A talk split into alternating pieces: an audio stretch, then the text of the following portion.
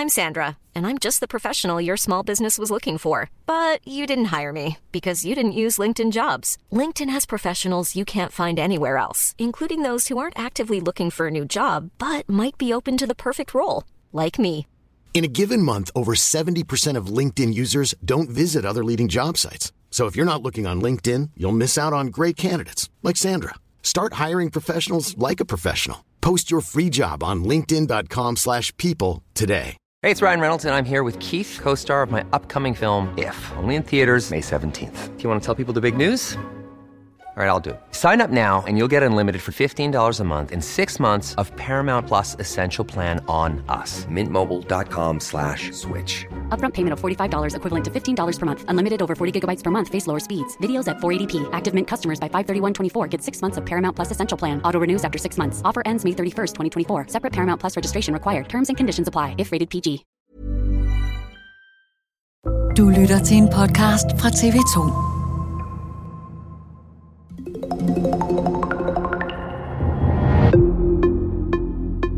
Da vi ringede som journalister og ligesom sagde, hej, vi undersøger datamarkedet, og øh, hvad kan I fortælle os? Altså, hvad sælger I? Hvad henter I? Hvad gør I? Jamen, så får vi jo den smør, der hedder, jamen, alt er lovligt.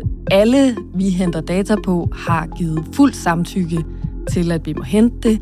Du kan ikke identificere konkrete individer. Der er overhovedet ikke noget, der hedder data på børn. Når vi så ringede som spilfirma, så er det lige pludselig en helt anden historie, ikke? Lige pludselig så kan vi jo få alle de her ekstremt personlige oplysninger på danskere, og jo så også på danske børn, ikke?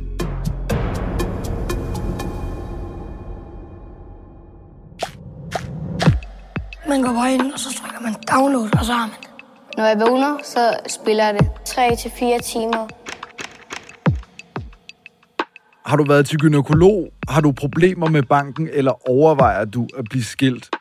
Det er bare nogle af de oplysninger, du afleverer, når dit barn downloader et spil til sin telefon. Jeg synes, det er så ubehageligt, at der er adgang til konti, lægebesøg. hvor man har været, hvem han har været sammen med, hvad der er blevet sagt. Og I kan gå ind og se, at jeg er skilt, og hans far bor et andet sted, og sammen med en ny en. Det kan være skræmmende, at man ikke selv har kontrol over det. Men hvad bliver de her ekstremt private informationer brugt til, og kan det overhovedet stoppes? Det er dato i dag. Mit navn er Joachim Claus Høj Bindslev.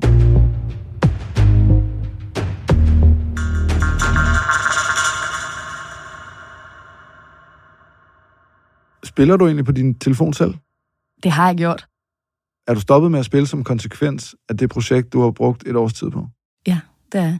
Hvad var det helt konkret, der gjorde, at du tænkte, okay, jeg skal stoppe med at spille, det nytter ikke noget, det her?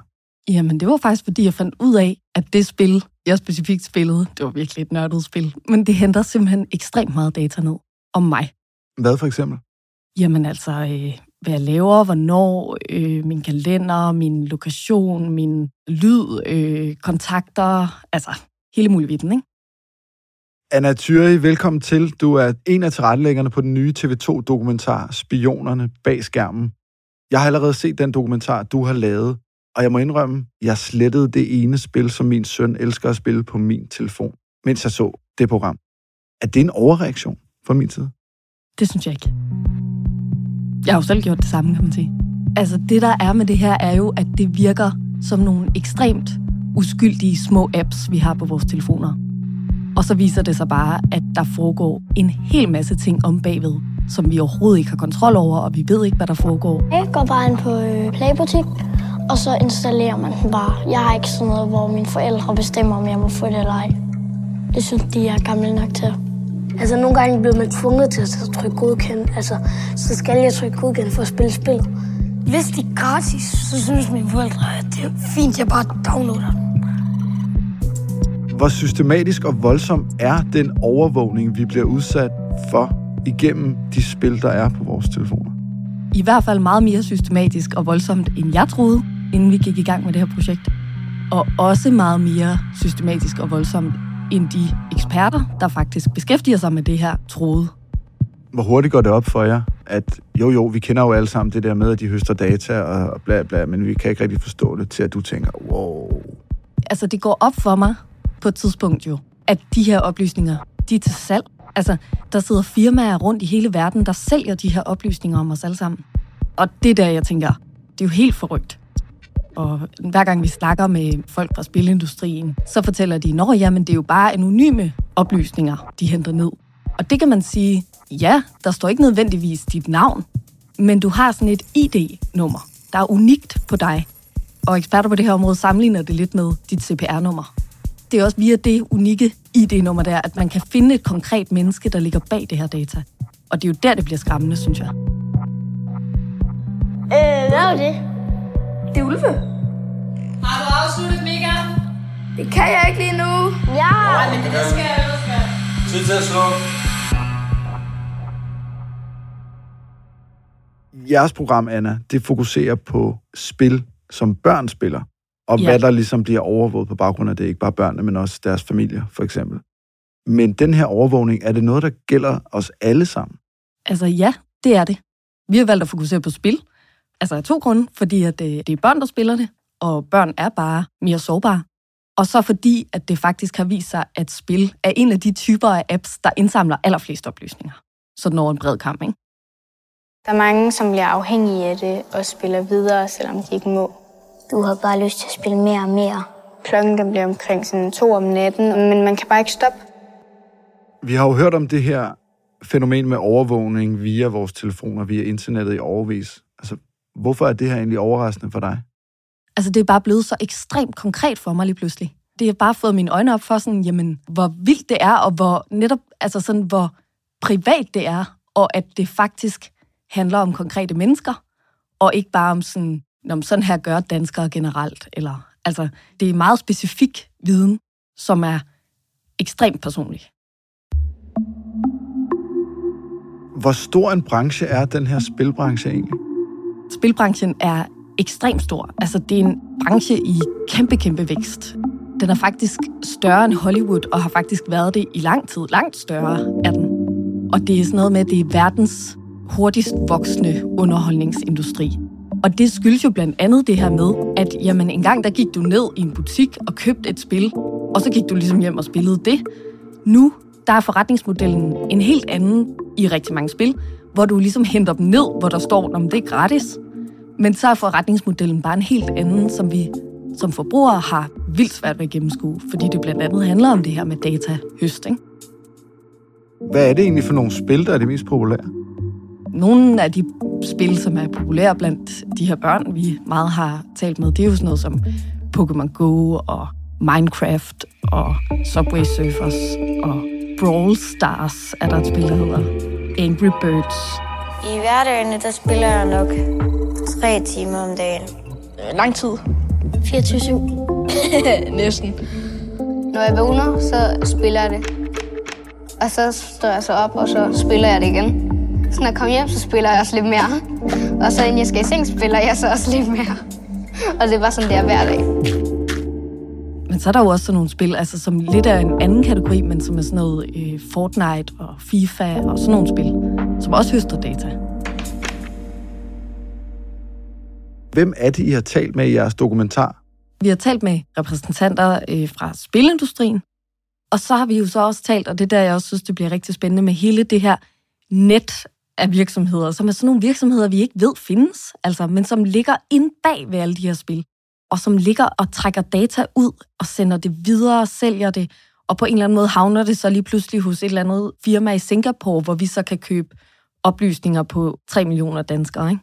Så det er jo en hel masse forskellige aktører, kan man sige, vi har været i kontakt med, og på forskellige måder. Fordi vi jo så både har været journalister, og, og så har vi så også været undercover som spildesignere. I sætter et eksperiment op med en 4. klasse i IKAST. Prøv lige at fortælle, hvad er det, I gør? Hvordan gør I det? Og hvorfor? Grunden til, at vi gør det, er fordi vi tænker, altså hvad betyder det her? Altså helt konkret, hvad, hvad er det så for nogle informationer, man kan få ud, hvis man siger ja til alle de her ting? Og så, øh, så tager vi kontakt til nogle spiludviklere. Det er faktisk nogle studerende fra IT-universitetet i Aarhus. De laver det her helt vildt simple spil for os.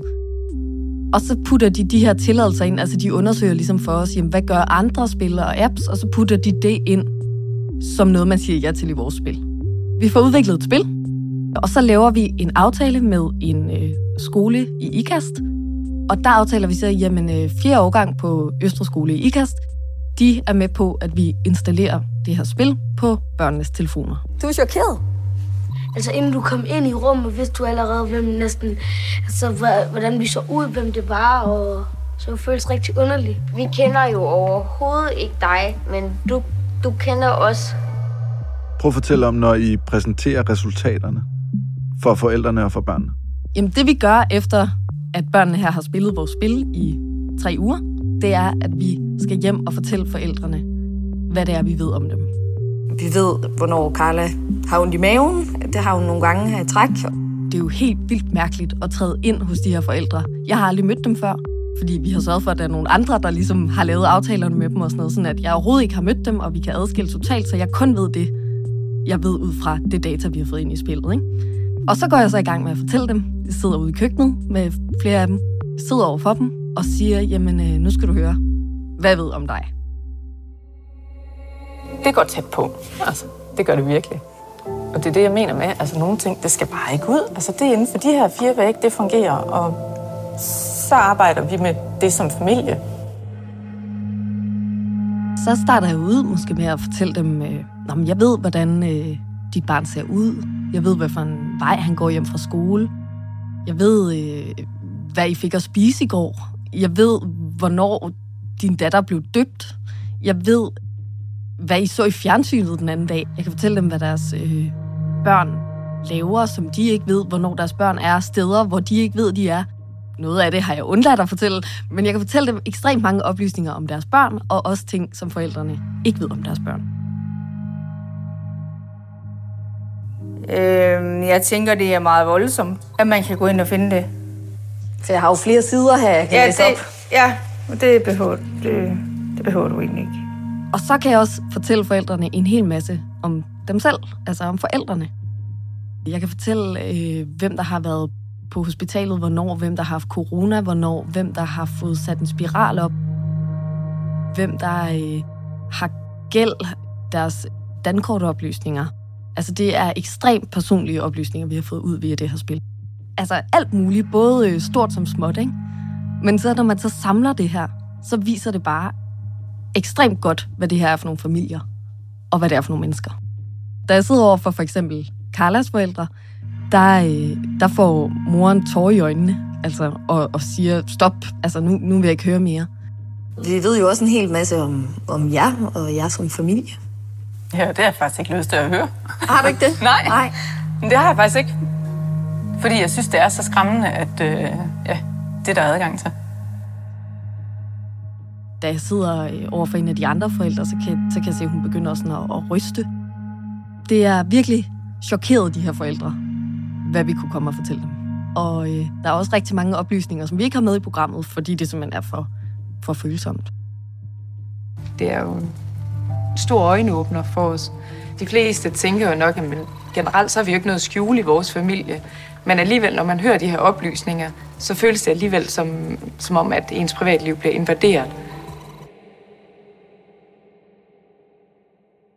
Skal børnene sidde og spille for, at den her overvågning finder sted?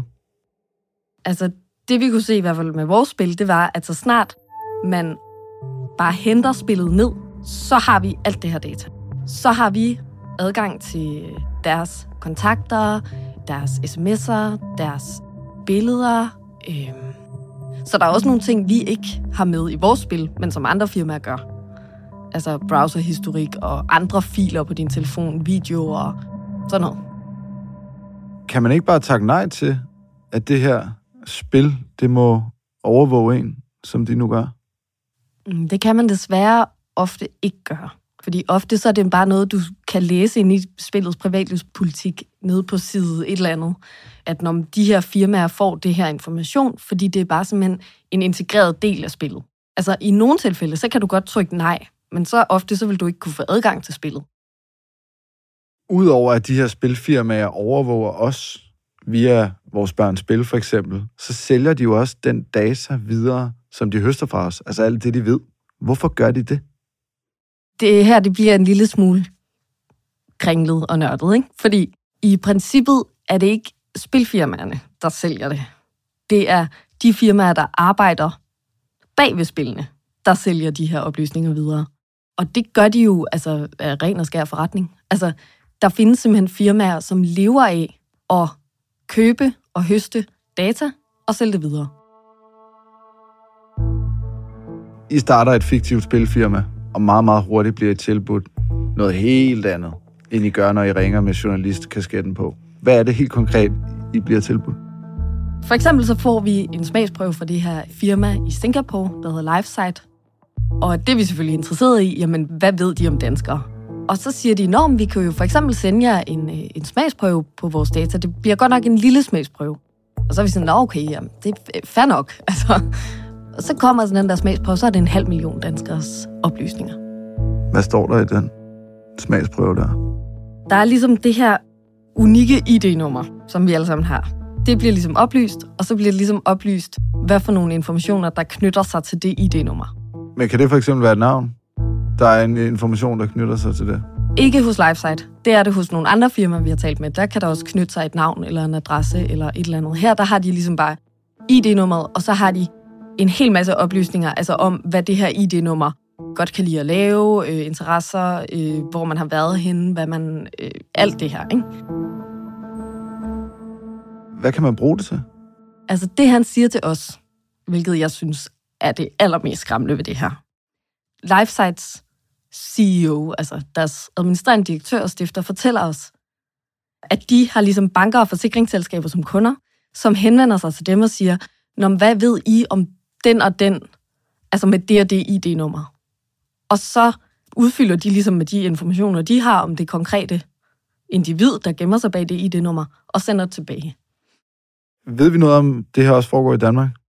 Altså, vi præsenterer os jo som danskere og ligesom spørger, hvad, men, men vi ved ikke konkret, hvad det er for nogle forsikringsselskaber og banker.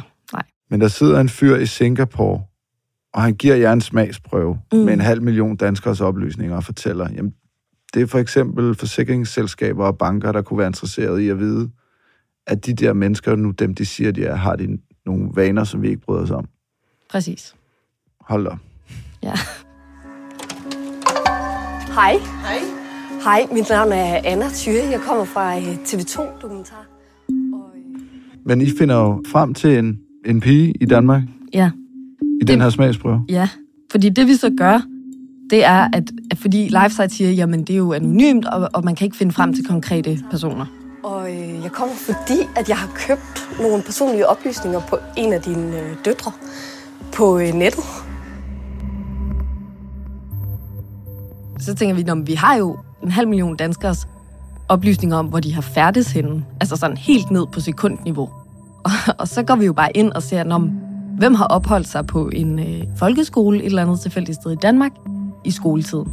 Og så tænker vi, at det kan selvfølgelig også være en skolelærer, vi får fat i, men nu prøver vi at se. Og så udvælger vi det her ID-nummer, der er inde på en skole i Holstebro.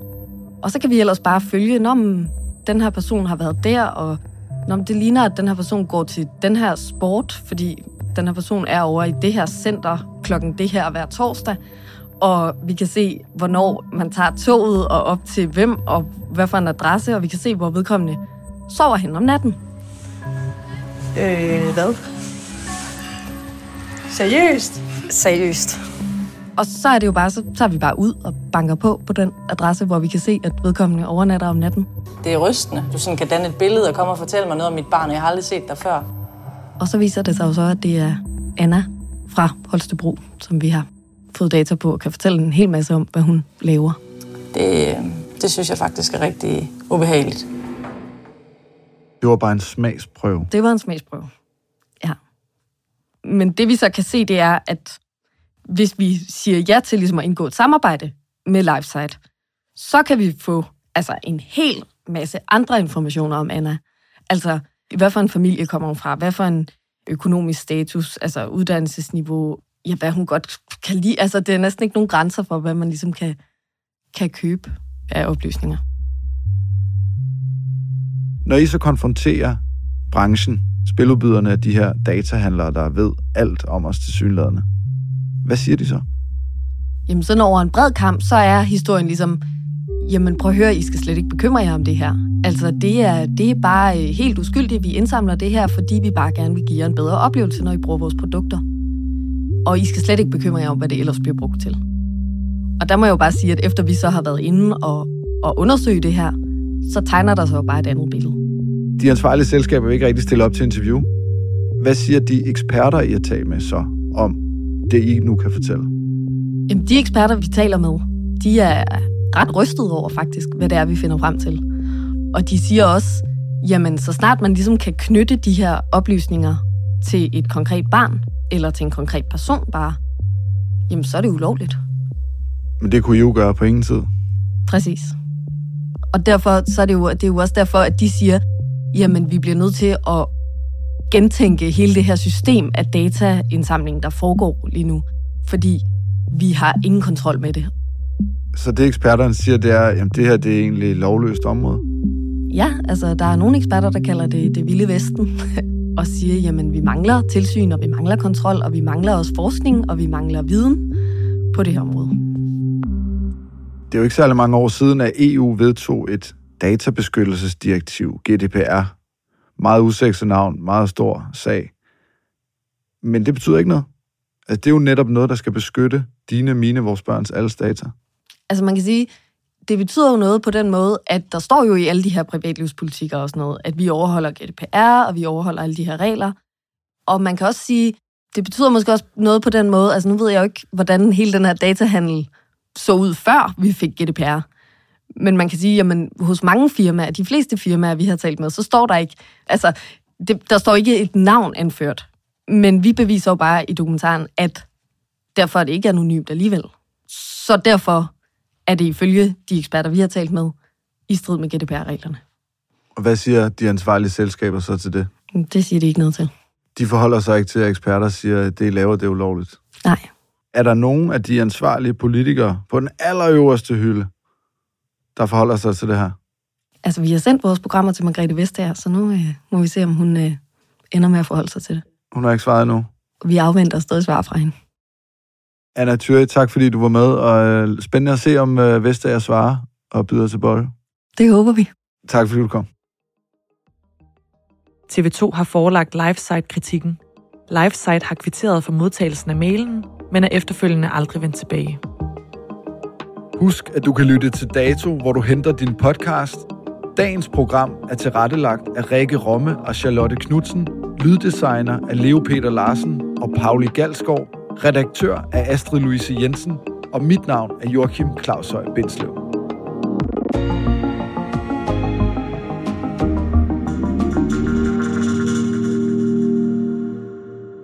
Lyttet til en podcast fra TV2.